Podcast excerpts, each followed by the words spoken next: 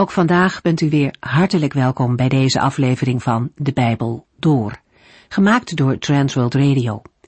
Voor meer informatie kijkt u dan op onze website transworldradio.nl. In deze serie gaat u in vijf jaar tijd met ons de Bijbel door, van Genesis 1 tot en met het laatste vers in Openbaring 22. We lezen in deze serie vandaag uit Hebreeën hoofdstuk 5. In het slot van hoofdstuk 4 lazen we over Jezus als de grote hoge priester. In die hoedanigheid is hij naar de hemel gegaan om ons te helpen. Daar hoeven en moeten we geen moment aan twijfelen. Er zijn misschien wel eens van die momenten dat we er niet zoveel van zien of ervaren van die hulp. Maar ook dan mogen we deze verse vasthouden en weten dat de Heer op zijn tijd hulp zal geven. In de Bijbel zien we daar ook allerlei voorbeelden van. Wat leek het in de tijd van koningin Esther, alsof de hemel stil bleef, toen Haman het hele volk uit wilde roeien. Maar al lezend in dit Bijbelboek zien we hoe de Heere, als het ware achter de schermen, alles klaarmaakt om zijn grote plan te volvoeren. Een plan dat veel verder ging dan mensen konden bedenken. De Heer Jezus is naar de hemel gegaan. Zijn werk op aarde was klaar maar vanuit de hemel gaat hij verder. Hij heeft een plaats aan de rechterhand van God de Vader gekregen, waar vandaan hij ons te hulp komt. In deze Hebreeënbrief zien we ook dat de Heer Jezus de grote hoge priester is. Dat wil zeggen dat hij uitstijgt boven de oud-testamentische hoge priesters van Israël. Zij mochten één keer per jaar door het voorhangsel heen gaan en het heilige der heiligen betreden om verzoening over de zonde van de mensen te doen. Net als de hoge priester bemiddelt de Heere Jezus tussen God en mensen. Hij komt voor ons tussen beiden bij de Vader. Maar in tegenstelling tot de Joodse hoge priesters, die eens per jaar tot God mochten naderen, zit Christus voor altijd aan Gods rechterhand en kan Hij ons elk moment helpen. Bijzonder is ook dat Hij onze zwakheden kent en begrijpt, omdat Hij ze als mens ook tegenkwam. Maar Hij heeft er geen ogenblik aan toegegeven, want Hij zondigde niet. En zo mogen wij vol vertrouwen bij deze Heer komen, die ons door en door kent en ons zijn hulp en vergeving kan en wil geven. We gaan verder in Hebreeën 5. In Hebreeën 5 wordt de vergelijking van de Heer Jezus Christus met de hoge priester uit het huis van Aaron gewoon voortgezet. Voor iedere hoge priester geldt dat hij aan ons, zijn broeders en zusters, gelijk werd, om hen bij God de Vader te kunnen vertegenwoordigen. Daarbij moet hij door God voor dit werk geroepen zijn. Hebreeën 5 vers 1 de hoge priester van Israël is een mens die de speciale taak heeft zijn medemensen bij God te vertegenwoordigen. Hij biedt God hun gaven aan en offert hem de dieren die zijn gegeven om niet alleen de zonde van de mensen, maar ook die van hemzelf te bedekken. De hoge priester heeft de speciale taak zijn medemensen bij God te vertegenwoordigen, met name door de zonden voor Gods aangezicht te verzoenen. We lazen in Hebreeën 2 vers 17, het was nodig dat Jezus Christus aan ons, zijn broeders en zusters, gelijk werd. Anders had hij niet onze genadige en trouwe hoge priester voor God kunnen worden. Een priester die, als hij met onze zonden afrekent, zowel genadig voor ons als trouw aan God is. Zowel Jezus Christus als de hoge priesters uit het huis van Aaron voldeden aan deze eisen. Jezus door zichzelf als offer te brengen en de aardse hoge priesters door middel van de offers op de grote verzoendag. Iedere hoge priester moet een mens zijn en ten behoeve van mensen zijn aangesteld. Het onderstreept het belang van de menselijke natuur van Christus. De speciale taak die de hoge priester heeft, wordt uitgedrukt met de woorden hij moet zijn medemensen bij God vertegenwoordigen. Met deze woorden wordt aangeduid dat hij actief is bij de offers aan de Heer. De woorden gaven en offer zijn gebruikelijke termen die in de Septuaginta worden gebruikt voor respectievelijk de onbloedige voedseloffers en voor de bloedige dierenoffers. Ook al worden deze offers niet altijd consequent uit elkaar gehouden. De offers zijn er ter wille van de zonden, om de zonden van de mensen te verzoenen. Daarbij moeten we ons realiseren dat Christus zijn eigen zonden niet hoefde te verzoenen. Die waren er niet, maar de aardse hoge priesters wel. Hebreeën 5 vers 2 Omdat hij ook zelf in de menselijke zwakheid deelt, kan hij mensen die onwetend en dwalende zijn, vriendelijk tegemoet treden. De hoge priester kan zijn werk doen, omdat hij begrip heeft voor zondaars. Immers, de aardse hoge priester zondigde zelf ook. Maar van de Heer Jezus lezen we in Hebreeën 4, vers 15, deze hoge priester, de Heer Jezus Christus, begrijpt onze zwakheden, omdat hij dezelfde verleidingen heeft gekend als wij. Maar hij heeft er geen ogenblik aan toegegeven. Hij heeft nooit gezondigd. Dit laatste kunnen we van de aardse hoge priesters niet zeggen. We lezen in Hebreeën 7, vers 27 en 28. Gewone hoge priesters hebben elke dag het bloed van offerdieren nodig om hun eigen zonde en die van het volk te bedekken. Maar Jezus Christus heeft eens en voorgoed alle zonden uitgewist toen hij zichzelf offerde aan het kruis. Onder het oude verbond zondigden zelfs de hoge priesters, die ook maar zwakke en zondige mensen waren. Maar later legde God de eed af dat zijn zoon, die voor altijd volmaakt is, voortaan hoge priester zou zijn.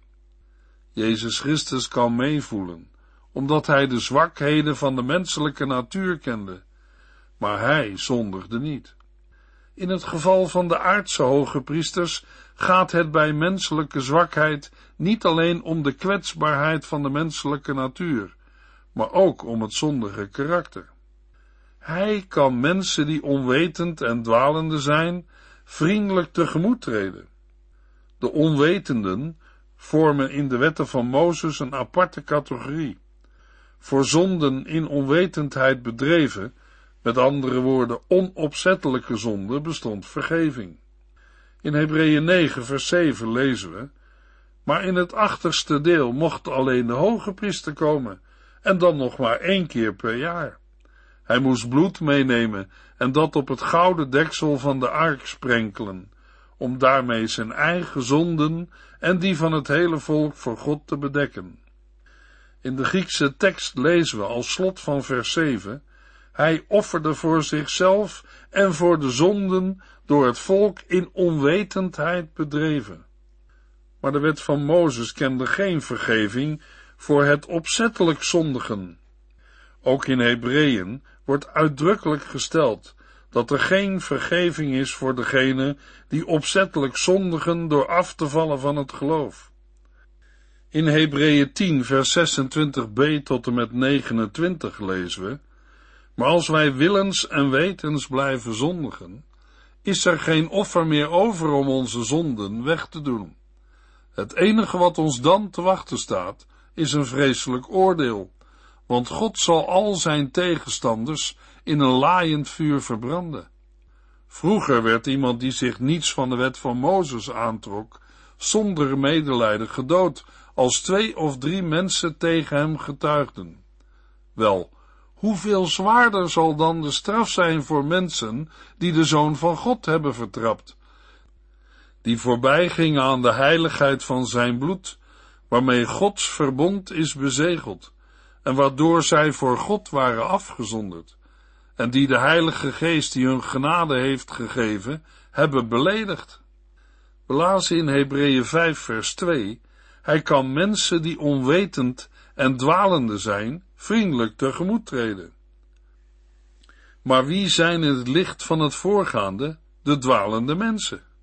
In Hebreeën zal het dan gaan om mensen die bewust, maar niet met voorbedachte raden hebben gezondigd. In 1 Johannes 2 vers 1 en 2 lezen we, Kinderen, ik zeg dit om u van de zonde af te houden. Maar als iemand zondigt, hebben wij een rechtvaardige advocaat die ons verdedigt bij de Vader, Jezus Christus. Hij nam de straf voor onze zonden op zich en verzoende ons zo met God. Hij is het offer voor onze zonden en niet alleen voor de onze, maar ook voor die van de hele wereld. Luisteraar, vriendelijker kan de levende God u in zijn Zoon Jezus Christus niet tegemoetkomen. Laten we nog maar een keer naar vers 2 luisteren. Omdat hij ook zelf in de menselijke zwakheid deelt, kan hij mensen die onwetend en dwalende zijn, vriendelijk tegemoet treden. Hebreeën 5 vers 3 Hij staat immers aan dezelfde verleidingen bloot en begrijpt hun problemen daarom heel goed. Bij Jezus Christus leidde het delen in de menselijke natuur, het meevoelen met onze zwakheden niet tot zonde. Bij de hoge priesters uit het huis van Aaron wel. Daarom, vanwege hun eigen zwakheid, moesten zij allereerst voor hun eigen zonden offeren. Een hoge priester kan nu eenmaal niet de zonde van het volk verzoenen, als zijn eigen zonden niet vergeven zijn. Nog steeds staat de schrijver van Hebreeën de ceremonie van de grote verzoendag voor ogen, waarbij de aardse hoge priester allereerst een offer moet brengen voor de zonde van zichzelf en zijn familie en daarna pas voor het volk verzoening doet. Het is opvallend dat in Hebreeën 5 vers 1 tot en met 4 steeds de tegenwoordige tijd van de werkwoorden wordt gebruikt. Het is een duidelijke aanwijzing dat ten tijde van het schrijven van het Bijbelboek Hebreeën het ambt van hoge priester nog steeds werd bekleed. Dit gegeven is mede een bevestiging dat het Bijbelboek Hebreeën voor het jaar 70 na Christus moet zijn geschreven. Hebreeën 5 benadrukt zowel de goddelijke als de menselijke positie van Jezus Christus. De schrijver gebruikt teksten uit het Oude Testament, uit Psalm 2 en 110, om de goddelijke positie van Christus te benadrukken. In de tijd dat het Bijbelboek Hebreeën werd geschreven, werd de hoge priester in Jeruzalem door de Romeinen aangesteld. Maar in het Oude Testament koos de Heere Aaron uit en alleen zijn afstammelingen konden hoge priester zijn. Net als Aaron werd ook Christus door de Heere gekozen als hoge priester. Van hem, Jezus Christus, lezen wij in Jesaja 53 vers 4 tot en met 10. Maar het was ons leed dat hij droeg. Ons lijden drukte hem neer. Wij dachten dat hij door God geslagen en vernederd was. Hij werd doorstoken en verbrijzeld ter wille van onze zonden. Hij werd zwaar gestraft, zodat wij vrede konden hebben. Hij werd geslagen en daardoor werden wij genezen. Wij zijn het die als schapen afdwaalden. Wij verlieten Gods paden en gingen onze eigen weg. Desondanks legde God de schuld en zonde van ons allen op hem. Hij werd in een hoek gedreven en mishandeld, maar zei geen woord. Hij was als een schaap dat voor de slacht weggebracht werd. Hij deed zijn mond niet open, zoals een lam stil is terwijl het geschoren wordt. Door een onrechtvaardig vonnis werd hij weggenomen, en geen van zijn tijdgenoten had er oog voor dat hij werd weggerukt uit het leven. Maar wie van al die mensen realiseerde zich toen dat het hun zonden waren waarvoor hij stierf, dat hij hun straf op zich nam? Men had hem als misdadiger willen begraven, maar hij werd gelegd in het graf van een rijke, omdat hij niets had misdaan, nooit een verkeerd woord had gezegd en in hem geen onrecht werd gevonden. Maar het was de bedoeling van de Heere dat hij werd verbrijzeld en met verdriet overladen. Wanneer hij zijn leven heeft geofferd voor de zonde, zal hij talloze nakomelingen krijgen, vele erfgenamen. Hij zal lang leven en Gods voornemen zal bij hem in goede handen zijn. Wij hebben een grote hoge priester die kon zeggen, toen hij aan het eind van zijn werk op aarde was gekomen, in Johannes 8 vers 46, wie van u kan mij beschuldigen van iets slechts? Luisteraar, niemand van de omstanders kon op die vraag antwoorden. Bij de Heer Jezus konden zij niets vinden. Daarom is hij als een onschuldige gestorven voor schuldige mensen, zoals u, jij en ik. Als we tot hem komen om onze zonden te beleiden, geeft hij ons dan als antwoord, doe het de volgende keer beter? Nee, hij vergeeft en geeft ons zijn genade. We lezen in 1 Johannes 1 vers 9 en 10. Maar als wij onze zonden bekennen, is God zo trouw en rechtvaardig ons die te vergeven. Dan reinigt Hij ons van alles wat we verkeerd hebben gedaan. Als wij beweren nooit gezondigd te hebben, zeggen wij daarmee dat God een leugenaar is en woont Zijn woord niet in ons. Hebreeën 5 vers 4 Niemand kan hoge priester worden, omdat hij dat zelf zo graag wil. Hij moet door God voor dit werk geroepen zijn, net als Aaron. In vers 1 lazen wij dat iedere hoge priester door de Heere uit mensen wordt gekozen. Daaruit volgt al direct dat niemand dit ambt en deze speciale taak zichzelf kan toe-eigenen. Uit alles wat we hebben gelezen blijkt dat een hoge priester in de eerste plaats voor de Heere acceptabel moet zijn. In de Bijbel lezen we dat de Heere Aaron en zijn nakomelingen heeft geroepen om het priesterambt te bekleden. Het familiehoofd van deze priesterfamilie kreeg later de titel hoge priester. Wij gaven al eerder aan dat ten tijde van het schrijven van het Bijbelboek Hebreeën de hoge priesters door de Romeinse stadhouders werden aangesteld of afgezet, waarbij vaak steekpenningen of politieke belangen meespeelden. Voor de Romeinen was het van minder belang of de betreffende kandidaat wel werkelijk van Aaron afstamde of uit het hoge priesterlijk geslacht, uit het huis van Sadok kwam. Dit hoge priesterschap werd dan ook door verschillende Joodse secten in het geheel niet erkend. Een bekende groep in dit verband zijn de Essenen, bekend van de grotten bij de Dode Zee, waar rollen met oude handschriften werden gevonden. Hebreeën 5, vers 5. Ook Christus heeft zichzelf niet uitgekozen om hoge priester te worden. God koos hem en zei tegen hem, Jij bent mijn zoon, ik heb je vandaag het leven gegeven. Aan de voorwaarde, door de Heere geroepen te zijn, voldoet ook Christus.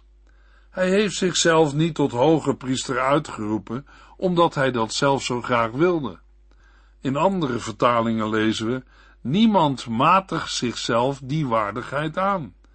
Daarbij gaat het dan om de waardigheid van het hoge priester worden.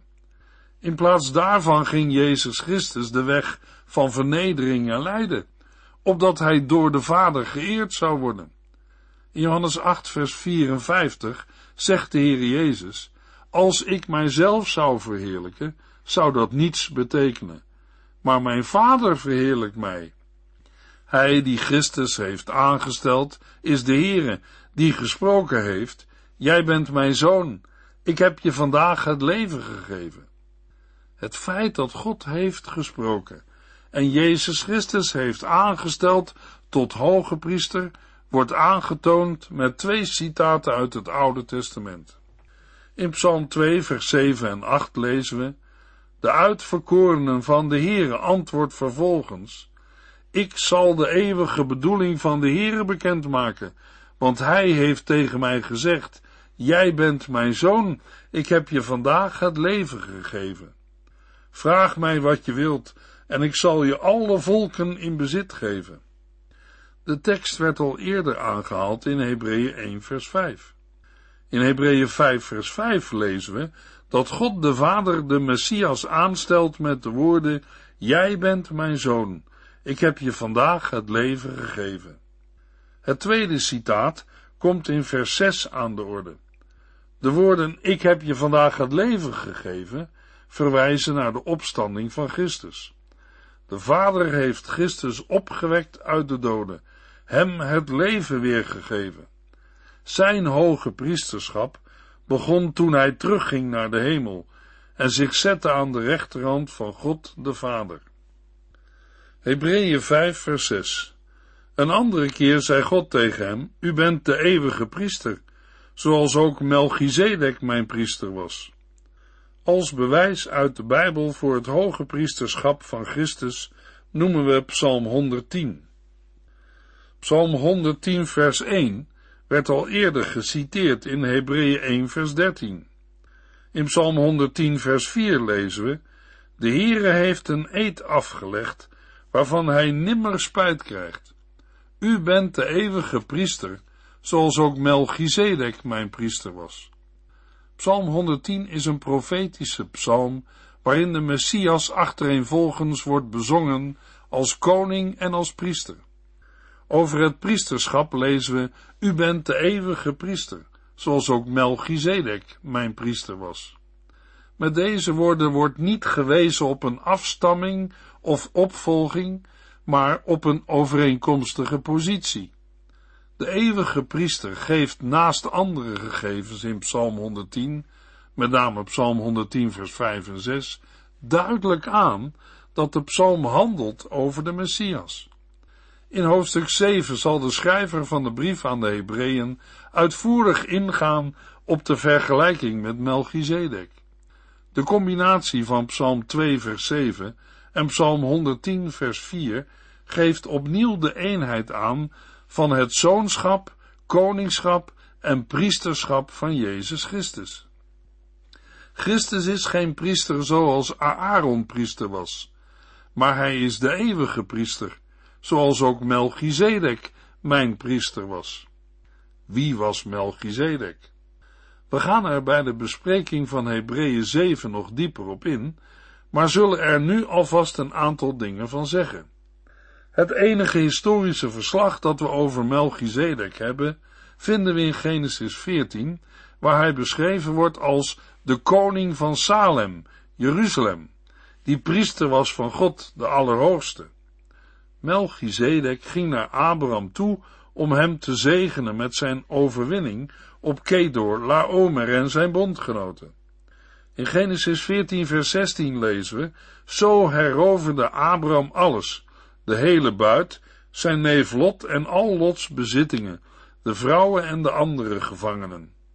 In het vervolg lezen we dat ook de koning van Sodom Abraham tegemoet ging en hem de hele buit aanbood, maar Abraham sloeg het aanbod af, omdat hij de Heere alle eer gaf voor de overwinning, en de koning van Sodom later niet zou zeggen, ik heb Abraham rijk gemaakt. In Genesis 14 vers 19 en 20 lezen we dan, Melchizedek zegende Abraham met de woorden, God de Allerhoogste, de schepper van hemel en aarde, mogen u zegenen, Abraham, en geprezen zij God die uw vijanden het onderspit heeft laten delven. Hierna schonk Abraham Melchizedek een tiende deel van alles wat hij had heroverd. Het bijzondere van Melchizedek is dat hij als het ware uit het niets opduikt in de Bijbel. We weten weinig van hem. In Psalm 110 vers 4 lazen we zijn naam. Daar zegt de Heere, zoals ook Melchizedek mijn priester was. Er zijn uitleggers die Melchizedek associëren met de verschijning van Christus in het Oude Testament voor zijn menswording. Maar ik kan die uitleg niet aanvaarden, omdat van Melchizedek wordt gezegd dat hij de koning van Salem is, het latere Jeruzalem. De doorslag geven de woorden van de Heere, onder andere in Hebreeën 5 vers 6, zoals ook Melchizedek mijn priester was. Als Christus en Melchizedek dezelfde personen waren, had de Heere dit niet zo gezegd. Bij de bespreking van Hebreeën 7 gaan we verder in op een vergelijking van Christus en Melchizedek. Hebreeën 5 vers 7 Terwijl hij hier op aarde was, heeft Christus onder tranen geroepen tot God, die hem van de dood kon redden. God verhoorde zijn gebeden, omdat hij zich aan Gods wil onderwierp. Ook aan de andere voorwaarden voldoet Christus, namelijk dat de hoge priester een mens moet zijn. De woorden verwijzen naar het aardse menselijke leven van de Heer Jezus. De evangelieschrijvers vertellen ons dat Jezus zich dikwijls afzonderde om te bidden. Maar de woorden Christus heeft onder tranen geroepen tot God herinneren sterk aan het gebed in Gethsemane en het roepen van Jezus aan het kruis.